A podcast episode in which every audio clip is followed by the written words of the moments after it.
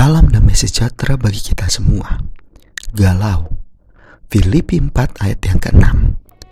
Janganlah hendaknya kamu khawatir tentang apa pun juga. Tetapi nyatakanlah dalam segala hal keinginanmu kepada Allah dalam doa dan permohonan dengan ucapan syukur. Saudaraku, istilah galau sering kali dihubungkan dengan perasaan dan perilaku anak-anak muda namun, apa sebenarnya itu galau?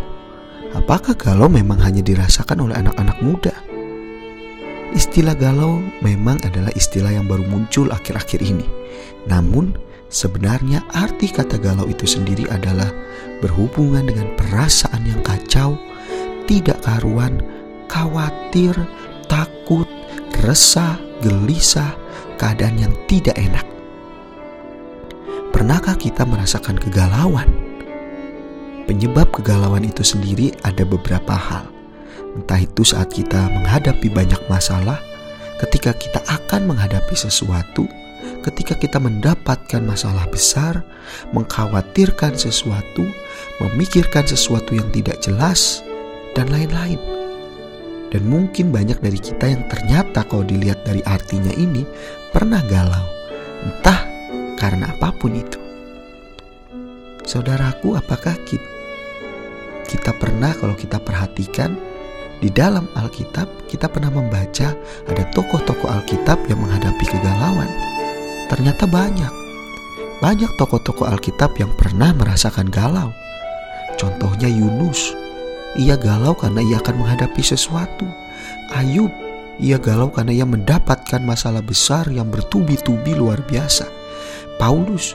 Paulus mendapatkan kegalauan karena ketika ia mengkhawatirkan sesuatu duri dalam daging, bahkan Tuhan Yesus sendiri. Ternyata galau bisa saja dirasakan oleh semua orang. Lalu apa yang harus kita lakukan saat kita sedang menghadapi kegalauan dalam hidup kita? Yang pertama, janganlah kita terlarut dalam situasi galau. Karena apabila kita terlarut, maka kita akan menjadi semakin stres, semakin depresi, ada banyak penyakit yang hadir dalam tubuh kita dan akhirnya bisa juga kehilangan akal sehat. Yang kedua, ketika kegalauan itu hadir dalam hidup kita, marilah kita belajar move on, bergerak dari situasi galau. Caranya adalah dengan mengajak Tuhan untuk ikut serta dalam kegalauan kita, sehingga kita tidak berjalan sendirian dan belajarlah untuk mendengarkan suara Tuhan melalui apa pun itu, siapa pun itu. Saat Yunus, Ayub, Paulus, bahkan Tuhan Yesus berada dalam situasi galau, semuanya mengikut sertakan Tuhan dengan cara berdoa kepada Bapa dan belajar mendengarkan kehendak Tuhan.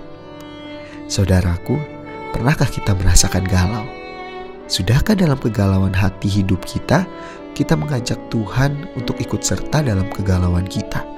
Dan belajar mendengarkan suara Tuhan, sadarilah Tuhan bisa memakai kegalauan kita untuk menumbuhkan iman percaya kita.